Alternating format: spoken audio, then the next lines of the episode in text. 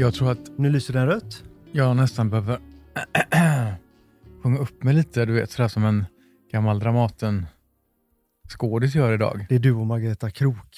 Kommer du ihåg henne? Ja, och vad hette han, den här andra som läste Chokladfabriken-boken? Han hette... Inte Ernst-Hugo Jähr. Jo. Ernst-Hugo Alfred Järegård. Men jag fick för mig att det var en operasångare som hette så. Nej. Jag kommer i alla, fall, i alla fall ihåg att min mamma, det var så förvånande, hon brukade inte tycka så mycket om saker annat än att om det var någon som var märkvärdig, då tyckte hon mycket. Men eh, just honom vet jag att hon tyckte väldigt bra om. Oj. Jag vet. Nu säger du oj du med, du känner ju min mamma så du vet Det var ju. otippat ja. Eller hur? Det var Faktiskt. någonting med hans sätt att prata och hans närvaro när han pratade som gjorde honom till en fantastisk personlighet och skådespelare. Han hade ju en närvaro som var helt sinnessjuk. Jag vet att jag tyckte att han hade lite äcklig röst. Ja, men det var liten. för att han hade ju en underläpp som hängde ut lite grann. Ja, och så hade han alltid lite chokladbit i halsen. lite chokladbit i halsen och lite så här piprök i, i eh, utandningen, typ så här. Kändes det som. Ja. Apropå att då sjunga upp så vet jag att en chokladbit säger mina skönsjungande väninnor att det är det sämsta man kan ha innan man ska upp på scenen och sjunga. Men det är väl därför det heter chokladröst. Och det är samma sak med te med mjölk. Det är inte heller bra för det blir liksom kladdigt. Men du, det här teet. Det var så jag tänkte jag skulle komma in på teet, Ja, snygg eh, sån... eh, Passning som du ändå försökte dribbla bort lite. Nej, Eh, vi dricker alltså ett eh, nytt te för dagen. Som jag, eh, ja det här är så knäppt, jag hade inte ens tänkt att jag skulle berätta det. Min första dag på höstdieten slutar ju med att jag ligger och scrollar på Delitea på nätet och ligger och scrollar på deras chokladsektion och klickar hem fyra kartonger med Valrhona-choklad. Hur som helst, då sprang jag i alla fall på ett temärke som jag alla hade hört talas om som heter Compagnie Colonial som sägs vara det första franska tehuset. Det här är en teblandning som heter Goutte Russe och det är smaksatt med bergamott och apelsinskal. Det låter kanske inte jättekul. Man tänker väl att det är ett, som ett vanligt Earl Grey med lite apelsinskal i, men det var faktiskt väldigt gott. det här är ett te. När man tänker, jag vill ha ett te som är gott, som är fräscht, som ändå har lite mustighet och mycket bergamott, men det får inte bli bittert. Nej. Pang! Här det, är det, mitt, te. Precis, det var mitt i prick. Det är mycket av allt det där du sa, men inte bittert. Nej, jag dricker ju alltid kolsvart te. Jag vill ju att te ska stå länge och dra och bli svart. Så att jag vet många som ni som lyssnar som har sett bilder på att ni tror att jag sitter och dricker kaffe hela tiden. Men det gör jag inte. Jag dricker te, men det är svart. Jag har aldrig mjölk i teet. Nej, och jag måste ha Varför har mjölk i man citron i teet? Jag vet inte. En del har det. Men man kan ju inte ha mjölk och citron, utan man får ju välja där. Ja, men jag skulle nog kunna tänka mig att ha lite citron i någon Ja. Men du, tillbaka till det här med eh, skådespelare med närvaro. Mm. Vi har ju en favoritserie som heter Only Murders in the Building. Vi började kolla på tredje säsongen, första episoden. Och vi var lite grann så här, åh, vi måste ha en ny serie. Ja, men vi, vi, just det, den har ju kommit. Ibland är det, det är som att börja på en ny bok, ibland är det lite trögt innan man liksom Mm. trycker på det här att kom, kom igång nu. Men igår i alla fall så gjorde vi det. Alltså, jag dör. De första fem minuterna, det är nog bland det bästa jag har sett på väldigt länge. Alltså nu blir det en liten spoiler här då, men eh, Meryl Streep är ju med i den här säsongen. Och hon har en monolog i fem minuter i början som jag får till och med gåshud nu. Men vi fick ju det båda två och tårarna sprutade. Och man kan ju skratta åt det så här efter man undrar, men varför kan allt detta hända i kroppen? För att en gammal tant står på en scen och berättar, hon berättar om hur det var att vara Men nanny. nu får du inte, de, jo, men det man måste jag berätta. titta. Ja, men det kan jag väl få berätta. Okej. Hon berättar om hur det är att vara nanny eller barnflicka åt några barn och de banden som man som kvinna eh, får till dessa barn och huruvida de går att jämställa med att vara biologisk mamma eller att bara vara barnflicka. Och den här monologen då, i de här fem minuterna, jag vet inte vad det var, men alltså det grep tag något så fruktansvärt. Men då kommer man till det här. Och det var ju liksom inte några effekter eller det var ingen musik. Nej. Hon såg ganska alldaglig ut, så det var liksom inte att det var några eh, synliga intryck som heller förstärkte känslan, utan det var bara hennes otroliga förmåga av att gestalta den här kvinnan. Och Då kommer man osökt återigen till det här som vi ofta pratar om, att, att från dåligt till bra Mm. är en ganska kort sträcka, Mm. men från bra till fantastiskt, det är en väldigt, väldigt lång sträcka. Men alltså från dåligt till bra är som från Göteborg till Växjö typ. Men från bra till fantastiskt är från, som från Växjö till månen. Ja. Och det här var fantastiskt. Man känner att den här briljansen och att, den här, att kunna nyansera eh, ett ord så att man, det går rakt som en pilspets, rakt in i hjärtat. Mm. Det är inte många som Hon kan. är en fantastisk skådespelare. Hon är fantastisk, ja. Alltså, ni måste se den. Om vi dröjer kvar lite vid det här ämnet så måste jag ändå säga att den är ju lite märklig för att den är en genre som jag personligen inte riktigt gillar egentligen. Jag har lite svårt för komedi. Och det här är liksom komedi och parodi dessutom. Mm. Det är nästan lite grann som att titta på en fars. Men ändå inte. Jag tycker han Martin Short är bland det roligaste som Och jag finns. tycker han är bland det töntigaste jag har sett. Men det, man måste se liksom jag, det bakom är nästan det så jag sitter och tänker så att tycker han själv att han är en bra skådespelare nu? Tycker han själv att han är rolig? Han spelar ju sån. Ja, men det är ju det jag inte riktigt får grepp om. Nej, men det är ju det som är det briljansen också. Ja, ja. Och sen tycker jag Selena Gomez, ja henne är- älskar jag. Åh. magisk. Varför tycker man så mycket om henne?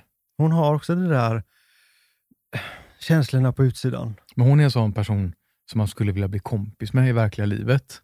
Hon pratar så konstigt. Varför? Hon är skådespelare. Om jag kan få bli kompis med henne och säga det, du blir kompis med varenda tant vi möter på gatan. Jag säger ingenting om det. Det gör du visst. Du, du är rasande. Jag tycker om henne i serien och Ja, sen tycker jag jag om med. henne även som den personen hon är utanför Mm. skådespeleriet. Jag har läst en del om henne och jag har hennes dokumentärserie på min lista Ja. att se. Jag har förstått att hon inte har det så enkelt med sig själv. Tänker du lite grann så här, jag tror vi har mycket gemensamt. Men vad du håller på? Svara mig. Det är mycket möjligt. Men är det inte sådana man ska hänga med? Jo. Eller ska Ja, man hänga jag- med folk som man inte har något gemensamt med alls? Nej, jag håller med dig. Absolut. och sitta jag, och prata om väder och vind jag, tills man hon, tröttnar på det? jag tycker hon är fantastisk. Du är knäpp. Usch, jag skäms ibland. Varför är jag så Men du är en, skrattig? du är flamsa-tramsa. Jag är en flamsa-tramsa, ja. Vem vill vara det? ja. men jag vill ju vara den här, så här Coola. coola, Som står i ett hörn med sån här eh, lite längre eh, kavaj med stora slag och lite vida byxor.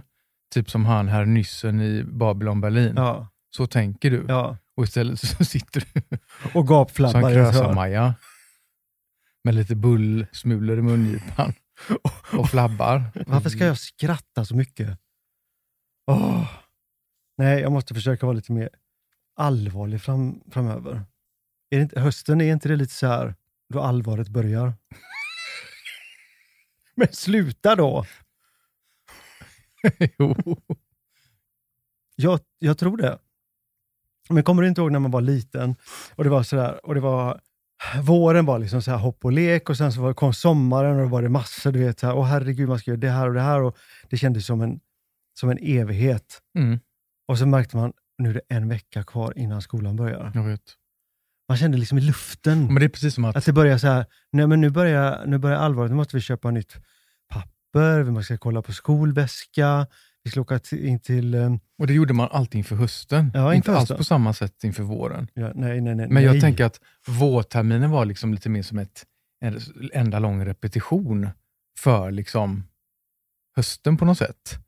Det känns som att det är på hösten allvaret börjar. Det är då som det är upp till bevis. Det är då man ska skörda det man har sått under våren. Så, lite så tänker jag, eller hur, är jag helt ute och cyklar?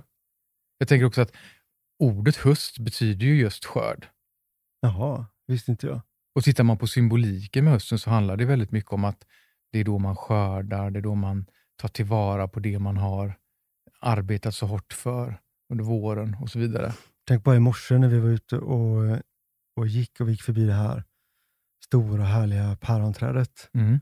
Och eh, päronen, ja, det är fullt med päron. Mm. Jag tar ett päron där varje dag. Och det är något speciellt med att plocka liksom ett, ett stort fint päron från ett träd. Men vad är det som är så speciellt med päron? För jag kan uppleva det som att det är en liten bortglömd frukt. Man pratar om äpplen, man pratar om bananer Mm. och om man ska liksom visualisera frukt i en barnbok, ja, men då är det äpplen och det är bananer och det är apelsiner typ. Men päronet glöms liksom alltid bort. Är det dyrt med päron? Jag vet inte, men jag kan tycka att päron är faktiskt en av de vackraste frukterna. Mm. Jag vet inte varför. Det skiljer sig ju egentligen inte jättemycket i formen från ett äpple. Det har ju bara den här lilla, lilla svansen liksom. Mm. Men jag ser hemma nu, det här päronet som jag tar på morgonen, jag äter inte dem varje dag, men jag tar hem dem så lägger dem i en skål och tar med en, en liten kvist som sitter med, med bladen på. Så att den skålen hemma, det går inte att jämföra med en skål med äpplen. Nej. Men det är väl att det är, det är inte så vanligt med päron. Du gör precis som djuren gör nu på hösten. Du fyller ditt skafferi så att du ska ha sen när det blir vinter. Åh, tänk att ha en jordkällare och Mm. skafferi. Med där man liksom man skördar och man plockar upp all lök, man plockar all kål och så samlar man och lägger och, Mm. och allting sånt där. Jag vet. Tror du inte man känner sig väldigt rik då? Jo. När man har liksom fyllt sina förråd, inte med pengar utan med, liksom, med mat, med proviant. Ja. Det är ungefär som man har, har, du vet, man har varit och storhandlat, rensat ut kylen innan och så storhandlat och sen fyllt upp så att man har liksom allt man Mm. vill ha. Då känner jag mig rik, precis som du säger. Mm. Och tänk att ha en jordkällare Åh. med sånt som man har odlat själv. Bär man har plockat själv. Svamp man har plockat. Man har potatis.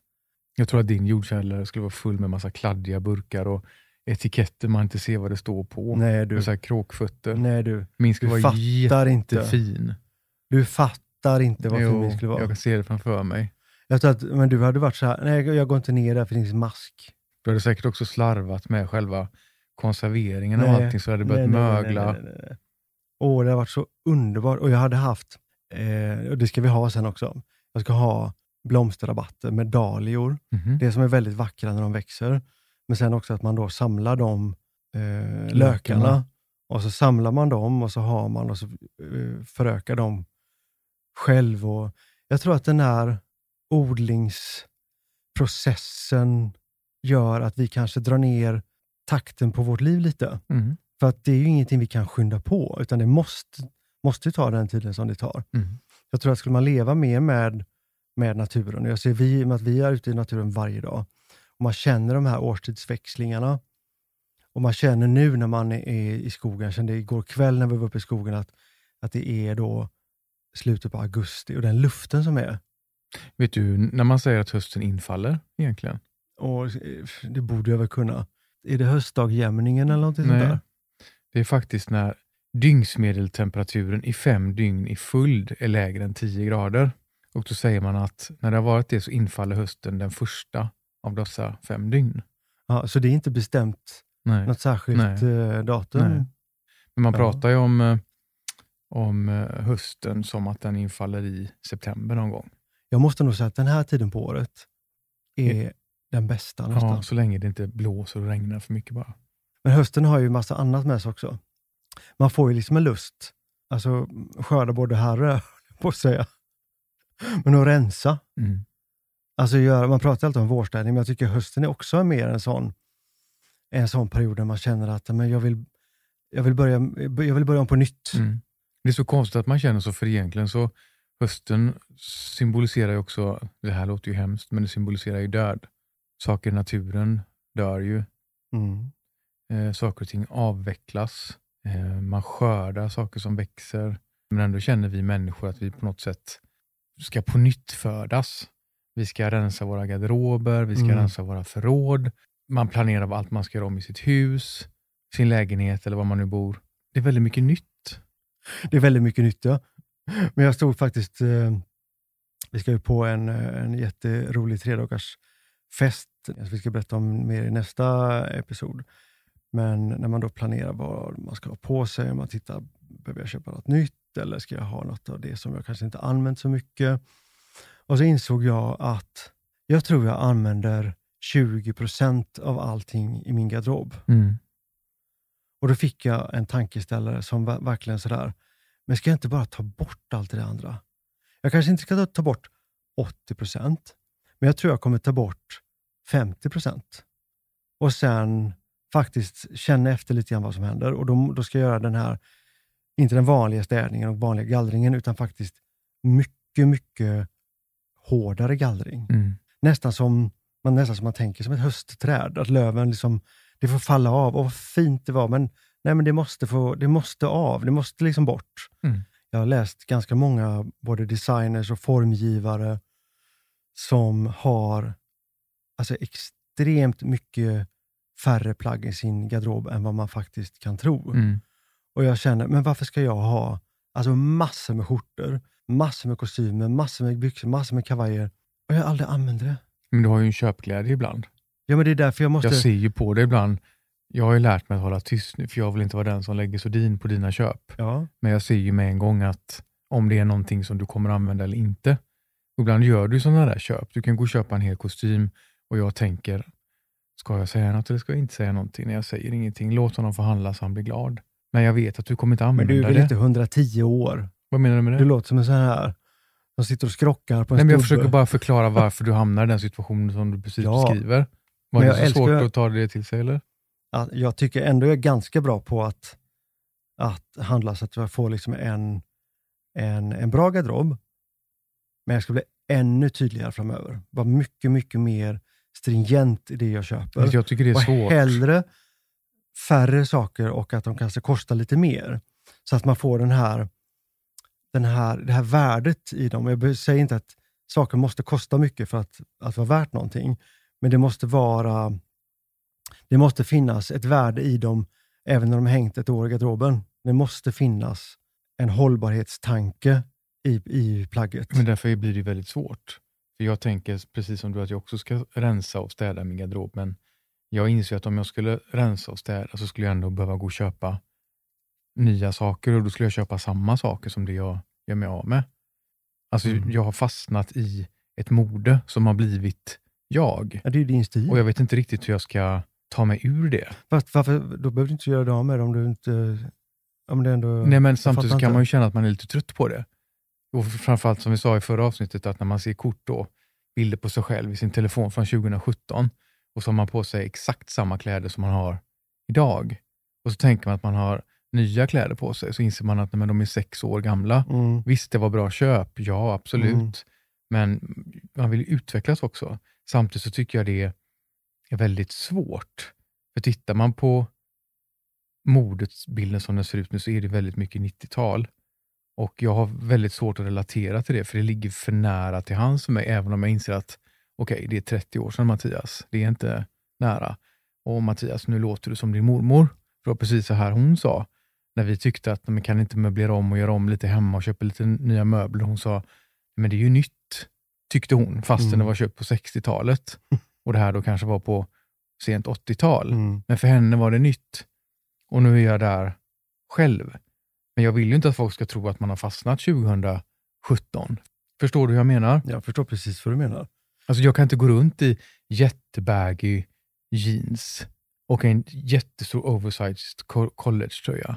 Och lite klumpa-klumpa skor. Men det går inte. Och så blir man exakt en i mängden. Och, men det är väldigt lätt att halka in där. de där klompa klompa skorna. De här klumpa-klumpa Åh, det är så fult. Jag tänker att det är vi nu som står förmodligen utanför, tycker alla andra, och är fel. För att jag backar tillbaka bandet när vi träffades då på 90-talet. Ja. Och du hade ett par klumpa-klumpa. Men inte sådana klompa Jo. klompa. Nej, Patrik. Du Nej. hade... Nej, nej, nej, inte ens i närheten. Mhm. Då var det skor med lite grövre sula. Ja, Ja, nu är det klompa klompa. det var typ ett par loafers fast med, ja, de var med trakt- fruktansvärda. med traktorsula. Åh, vad jag, jag trivdes aldrig i dem. Det syntes faktiskt. Ja, jag hade dem typ två gånger och studsade fram. Nej, du hade dem mer. Nej, det hade jag inte. Jag hatade dem. Varför kommer jag ihåg dem så väl om du hade dem två gånger bara? För att de var fel. Det är därför Ja. man kommer ihåg det. Jag kommer till och med ihåg när jag köpte dem och var jag köpte dem i London. Jag kommer ihåg min kompis som tjatade och tjatade, måste bara ha dem. Men så fick jag köpa ett par för trånga boots också. Som jag led fruktansvärt i, men som jag hade jämt, som var jättesnygga. Så då var det väl okej. Men de här hade typ som ett litet rakbladsformat Ja, spänne också. Ja. Köpte de inte det på Office? Eller Ja, det? precis. Ja. Jag misstänkte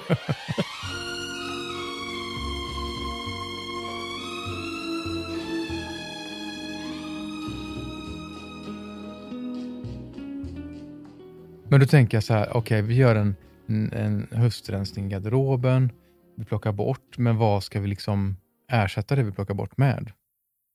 Vi kan ju inte ha tomma garderober heller. Alltså jag drömmer ju om det här enkla livet, du vet. Fast jag pratar Med inte om saker. livsstil, jag pratar om stil. Men jag tycker det hänger ihop. Nej, jag tycker faktiskt inte det Jo, i detta fallet. Lyssna på mig nu då. Men vi är ju överens där. Ja, Vi ska på... ha ett enkelt liv.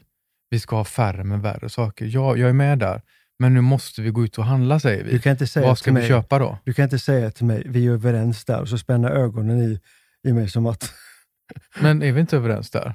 jo, Vi har ju i princip nästan identiska kläder dessutom. ja. Men vad jag menar är att stilen med det här enkla livet bygger lite grann på det här lite silent, eh, det ska, vara, det ska liksom inte skrika och synas. men det är fortfarande inte det här jag pratar om. Plagg. Det är fortfarande inte det här jag pratar om. Jag pratar om, du står liksom vid ytterdörren och ska gå ut och köpa kläder. Vad ska du köpa? Ja, du? Du kan ju ha vilken livsstil du vill, men du ska fortfarande köpa kläder. Det är alltid väldigt mycket enklare om man bygger, om man bygger konceptet först. Bygger konstellationen. Men konceptet är klart. Jag tänker så här, jag, jag har min film här, jag ska rollbesätta den. Men vi har ju enats om att vi gillar quiet luxury och old money i stil och uttryck och känsla. Inte Mm. massa logotyper. Nej, Monokromt, monumentalt, minimalistiskt. men Ja. ändå liksom Ja. elegant, Men då tänker jag så här, tidlöst. en snygg rock, inte dumt. Och du har typ fem som hänger i garderoben, så där är du check då. Några, två bra kavajer, Och där har du typ 20 som hänger, så det är ju check på den också då. några enfärdiga skjortor. Men alltså du checkar ju på allt, Eh, Jag behöver ett par nya boots. tycker du? Ja, det tycker jag. Men vet du vad? När man gör så här då, Mhm. om man ser att ja, men jag har ju faktiskt det här. Om man då köper någon grej och adderar till det här Mm. som gör att allting känns nytt. Det är väl lite grann det man är ute efter. Att någon vitamininjektion i den garderoben man redan har. Och det är precis som... Är det därför du alltid skäller på mig så mycket när jag köper skor? du När jag försöker ju, förklara precis det för Du dig. köper ju bara skor. Det gör jag väl inte? Nu ska jag försöka komma ihåg och ta en bild på din skogarderob Mm. och sen på min, och ska vi lägga ut den. Men det var inte det Så ska alla få avgöra vem som är bra på att Men köpa det var skor. du som sa att om man köper en ny sak så kan det bli som en vitamininjektion. Det var bara En. det jag ville Jag eh, referera till. Mm. Jag köpte bland annat ett par jättefina höstboots nu i svart mocka med lite så här högre flamenco-klack eller vad man kallar det. Från Saint Laurent De var väldigt fina. väldigt nöjd med. Och jag resonerar ändå som så här att om man är ganska neutralt och basic klädd till vardags så tycker jag att ett par skor kan förändra hela ens attityd. Mm. Jag tycker inte det funkar riktigt på samma sätt åt andra hållet. Alltså att om man har ett par sunkiga skor, att om man bara tar på sig någonting riktigt fint upp till så lyfter det. Nej. det jag tycker att skorna drar liksom ner Men skor, men åt andra hållet så kan man ha ett par, ett par vanliga jeans, en t-shirt, men har man ett par riktigt snygga skor så mm, känns det wow. men så tänkte alltid jag när jag Både var, på kvinnor och män. Men när jag var, var frisör Mm. och någon eh, ny kund kom in. Och de, eh, man, man, man pratade först för jag skulle liksom, vi pratade i största allmänhet. Men då, det här pratet som man hade då, det handlade väldigt mycket om att jag intervjuade personen för att höra vilken, ja, men vilken stil de egentligen har, hur de lever, hur mycket tid de lägger på sitt utseende. Det betyder väldigt mycket vilken typ av, av eh, hår man gör, vilken stil man sätter. Och eh, det jag alltid i smyg tittade lite grann på, det är ju faktiskt eh, klockan. har Mm. ingenting med kostnad att göra, utan har bara med stilen, klockan, väska och skor. För det köper man inte så ofta. Och har man då en, ett, ett klassiskt armbandsur till exempel, och en, en skinnväska som är tidlös, och ett par väldigt fina skor som är lite så här handgjorda, så då förstår jag ju att det spelar ingen roll vad den personen har för kläder på sig. För det är det andra som, som talar. Mm. Ja, men det är väldigt spännande att göra den här skanningen. Skor är ändå på något sätt för mig mycket mer talande än det andra du säger. För att det andra är på något sätt smycken som man bär utanpå. Alltså en väska är någonting som man, man tar och så har man den utanför sin kropp. Mm. Det säger inte jättemycket om personlighet, kanske mer om pengar eller social tillhörighet eller sådär.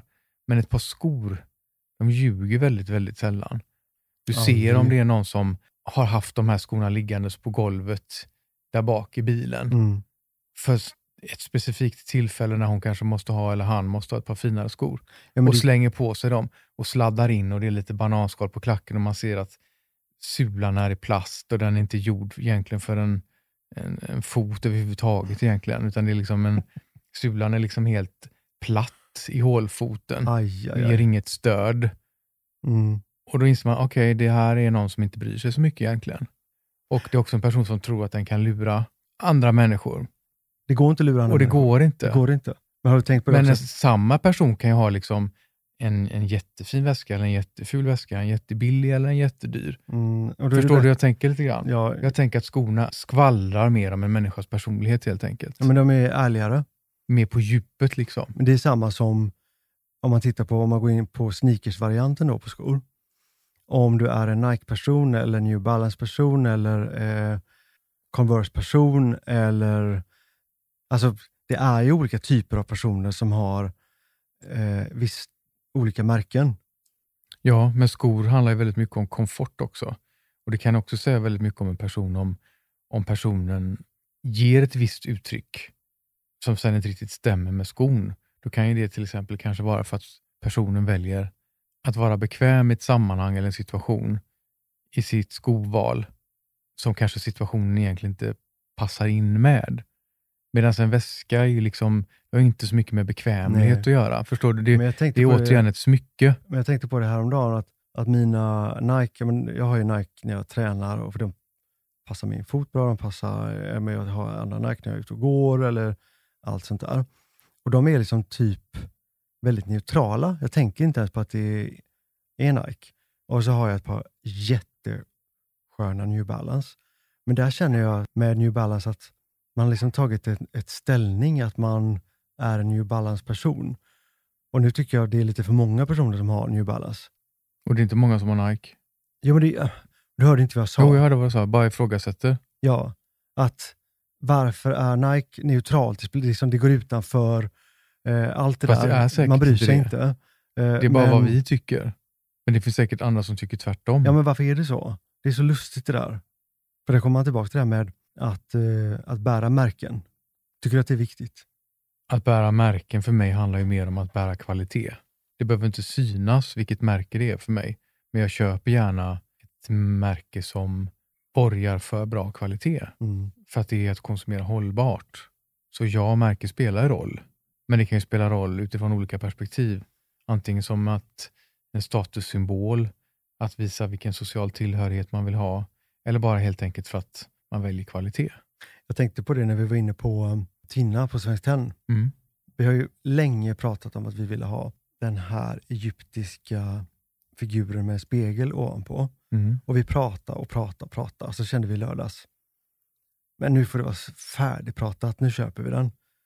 Så vi gick dit och det var ju typ 30 grader varmt ute. Dit i träningskläder precis innan de skulle stänga och eh, frågade om de hade den på lager och de sa jajamensan.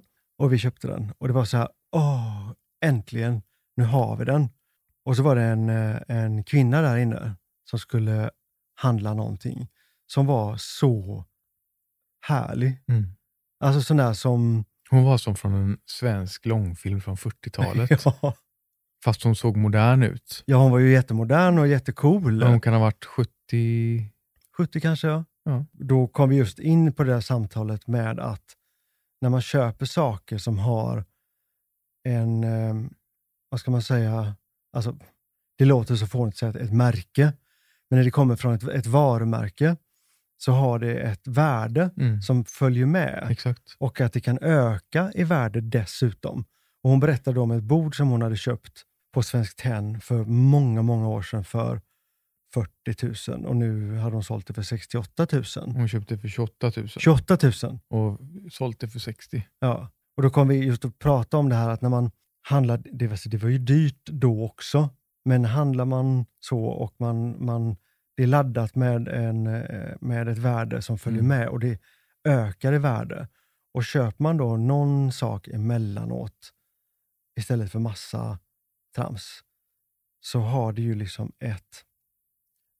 Även om man aldrig ska sälja det, Mm. så vet det, det är laddat med en känsla på Mm. något sätt. Du sa det så bra förut när du sa att vissa saker som man köper har inget bäst före-datum. Nej. Och det kan faktiskt gälla till och med skor, kläder och framförallt kanske möbler. Ja. Alltså tittar man på de här sajterna nu som jobbar med eh, vintage och second hand-kläder, Vestiaire till exempel. Alltså det är ju, folk får i vissa fall lika mycket eller till och med kanske mer än vad de gav för sina kläder när Mm. de köpte dem. ja, jag vet. Och det är väl om någonting då att, att konsumera hållbart, att satsa på kvalitet när man köper, att köpa märken som man vet håller i värde. Då kan du faktiskt sälja din väska, dina skor eller din tröja eller vad det nu och är. det är hållbart. Det är hållbart. Mm.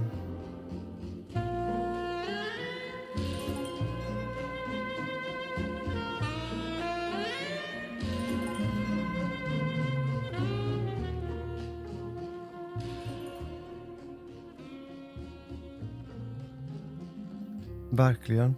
Vad tycker du förresten om eh, den här, jag ska inte säga nya trenden, men den trenden som är nu lite mer att makeupen ska vara lite mattare? Att foundation och eh, att man jobbar bort lite grann av det här glow-tänket som har varit väldigt mycket. Det kommer inte försvinna helt, men det blir ju lite, lite mattare. Det blir lite mattare läppar och lite mattare foundation. Mm, väldigt fint. Och framförallt när det är, det är skillnad på och matt idag och matt för 20 år sedan. Idag har ju kvaliteten på produkterna som man köper är ju så vansinnigt mycket bättre. För hade Det du matt foundation för 20 år sedan så var ju den oftast eh, inte oljebaserad då kanske. Och Det var mycket talk i. Mm. Det blev väldigt, såg väldigt grovt och väldigt tråkigt ut. Mm. Alltså det, det är så lustigt det där med, på vissa saker så älskar man när det blänker och vissa saker så, ja men ta som naglar till exempel, så tycker jag det är väldigt fint med högblanka naglar på tjejer, Mm. inte matta. Och med bilar tycker jag inte matta bilar är snygga. Alltså när du Mm. beskriver billack till exempel, så Mm. handlar det om att det du beskriver att du gillar, det är ju den här old money, eller Ja. quiet luxury-stilen, Exakt. som bilarna såg ut på 50-60-talet. När de var lackade i en, den här, de här täta färgerna som säkert är förbjudna idag. Nästan. Inte i metallic, utan helt bara täta. Mm. I de här shit och beige och kola och eh, hasselnöt och sådana här färger som man aldrig ser längre. Nej. Idag ser man ju nästan bara svarta, gråa och vita bilar. Mm. Det är nog här jag eh, beundrar Ralph Lauren väldigt mycket. Som kan bygga upp den där illusionen av eh, det perfekta livet. Den där drömmen som man vet att man aldrig kommer uppnå. Men drömmen om ett utseende, drömmen om ett liv, drömmen om en plats, Mm. drömmen om en bil, drömmen om en doft, drömmen av... Alltså, det fortsätter bara så. Drömmen som snurrar i huvudet, så bygger de de installationerna nästan. Mm. Jag tycker de är vansinnigt duktiga på det där. Det konstiga är att jag, jag har en väldigt tydlig bild av hur jag skulle vilja se ut. Berätta, Men jag gör liksom ingenting för att uppnå den. berätta då. Om du tänker dig mitten på 80-talet. En framgångsrik man som kan ha kommit från en, en fin fransk familj men flyttat till USA, köpt ett hus vid The Hamptons. Men lite så här preppy. Om du blandar Halston med Husbands i Paris med kanske lite Ralph Lauren. En blandning av amerikanskt och franskt. 80-talet när allting var liksom ingenting var farligt än. Du vill vara den där som spelar den, Utan, den, den, blonde, den blonde morbrorn i en så, amerikansk såpa. ja men typ, Ja, jag fattar vad du menar. som spelar tennis på helgerna. Mm. Och man var med i en Vita liten korta shorts. herrklubb och man hade plockat med sig vissa traditioner och seder från Frankrike till USA. Som ändå är ett ganska nytt land men som älskar det här med liksom traditioner. Och jag tänker när, liksom, när livet såg hoppfullt ut. Om du tänker en sån här gammal reklamkampanj från 80-talet när det är så här, eh, kärnfamiljen och alla har lite vind i håret och alla är glada och tjejerna har såna ögonskugga som går uppåt sådär, så att allt ska se sådär fräscht ut. Nu landar vi tillbaka nästan i Ralph Lauren på 80-talet. Men lite så. Mm. Men om väldigt, du tänker dig lite den känslan, men skala bort det glada och glättiga och gör Mm. det lite svårare, lite franskare, lite mörkare. Jag är tillbaka på han här nyssen igen i Babylon Berlin som klär sig så vansinnigt bra. Mm. Alltså det är nästan så att kostymavdelningen har lyckats lite för bra. För det, det är nästan så att det, hans kläd, kläder och garderob spelar en större roll än vad han själv gör. Mm. Förstår du vad jag menar då? Ja. Men det här liksom lite längre kavajer. Mm. Jag vet att Tom Ford sa vid något tillfälle, en kavaj får aldrig vara så kort så att man ser rumpan på en man. Utan den ska precis täcka och då blir de lite längre. Mm. Vi här uppe i Sverige har ju vant oss vid de lite kortare kavajerna Mm. som gör så att man kan se lite satt ut nästan. Mm. Precis. Men lite längre kavajer, lite större slag. De måste inte vara dubbelknäppta, de kan absolut vara enkelknäppta, men just att de har de här stora slagen. Mm. Och sen likadant axelvaddar. Det är samma sak där, vi har ju vant oss av med det här. Mm. Det ska ju vara okonstruerade axlar. De ska forma sig naturligt efter axlarna. Men jag kan tycka att det finns någonting coolt när det blir liksom lite sharp. Mm. Jag är också fast i, eh, i 80-talet. Min dröm, drömbild är ju fortfarande, kommer alltid vara, och det är väl kanske för att den så satte sig så tidigt när jag var på och såg ehm, American Gigolo med Richard Gere. Mm. Hela den stilen. Hans klädstil, hans stil att gå, eh, hans stil att röra sig, eh, bilen, eh, allt. Då kände jag bara, det där är jag. Och det är ju så länge sedan, men det sitter fortfarande kvar. Men är inte Att det lite där är, sportigt 80-tal fast i kostym? jo. Och väldigt italienskt, Mm. franskt så. Det är så, så att det ska också vara lite vind i håret. Lite vind i håret. Slipsen ska nästan blåsa upp lite och kavajen ska blåsa upp. Det var ju då Armani hade sin Mm, storhetstid. Det var väl då han slog igenom. Ja, lite vidare byxor, men det är tajtare kavajer som också är lite längre. Mm. Och allt är, och så är det uppknäppt till skjortan lite för mycket uppknäppt. Och så något guld som glimmar, sådär lite, lite tunt och någon snygg tändare om man behövde en sån. Och, jag tycker det är Men varför så gör vi inte det här? Vi har ju det klart för oss. Varför gör vi inte det bara då? Det är väl som med allt annat, man ska bara göra det. Eller hur? Jo, men vad är det som stoppar oss? Ingenting. Är det för att vi är för lata? För att man inte, för att man inte tänker att man ska kunna upprätthålla det en längre period eller vad? Fast jag tycker att du är inne på ganska bra spår redan. Eh, Jo, det tycker jag. Om du skulle fråga någon annan skulle de nog tycka att men du, du är lite så här sexy sexy. Går med det håret och tuffar dig. Åh gud, det är inte ens roligt att hålla på så.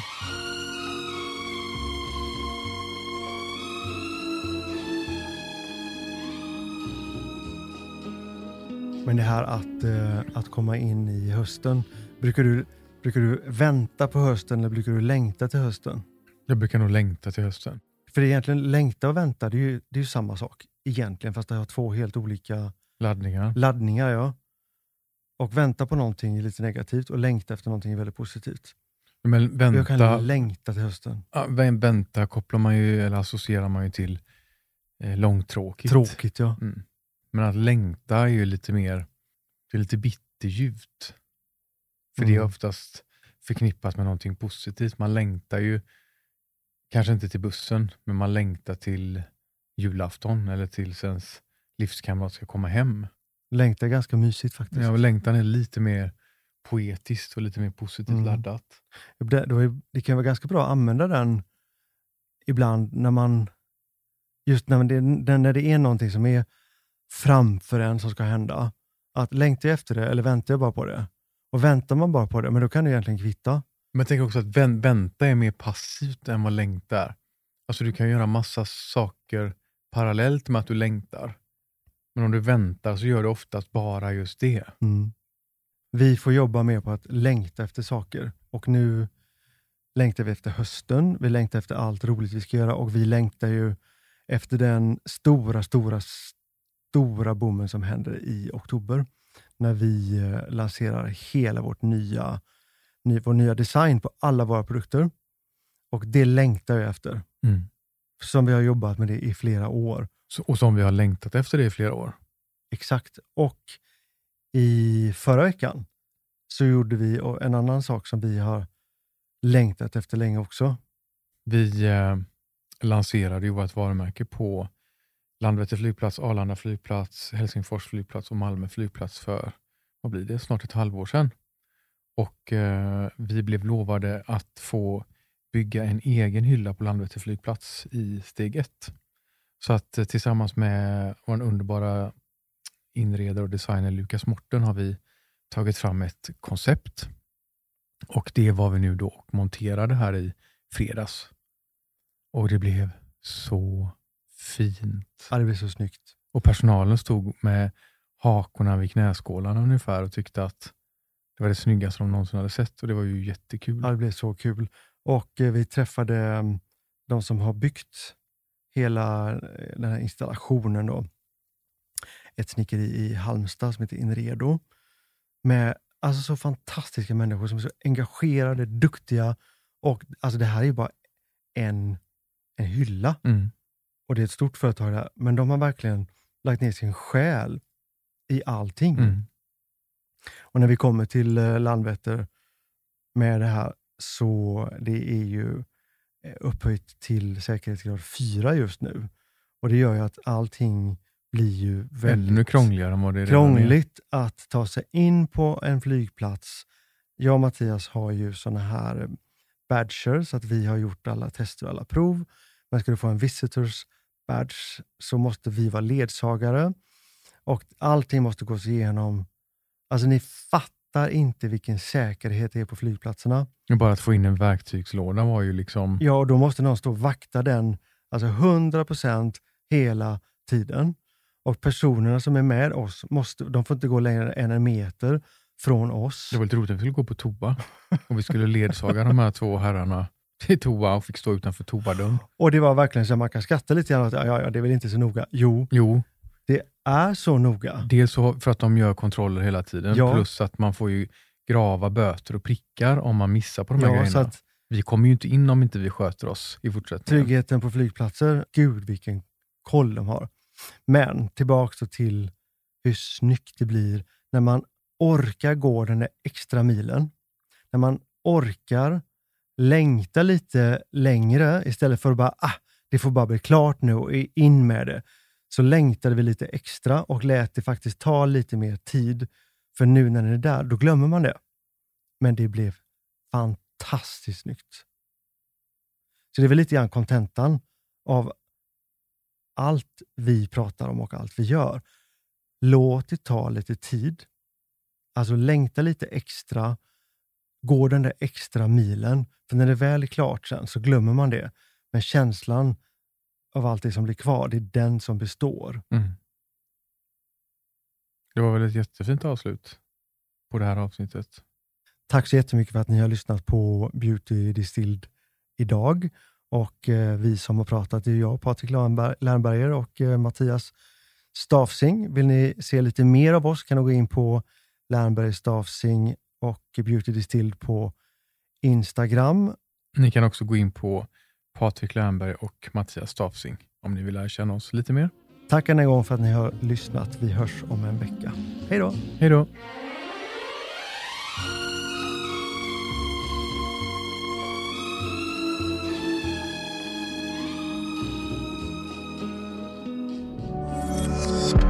Thank you for listening to this Polpo original. You've been amazing.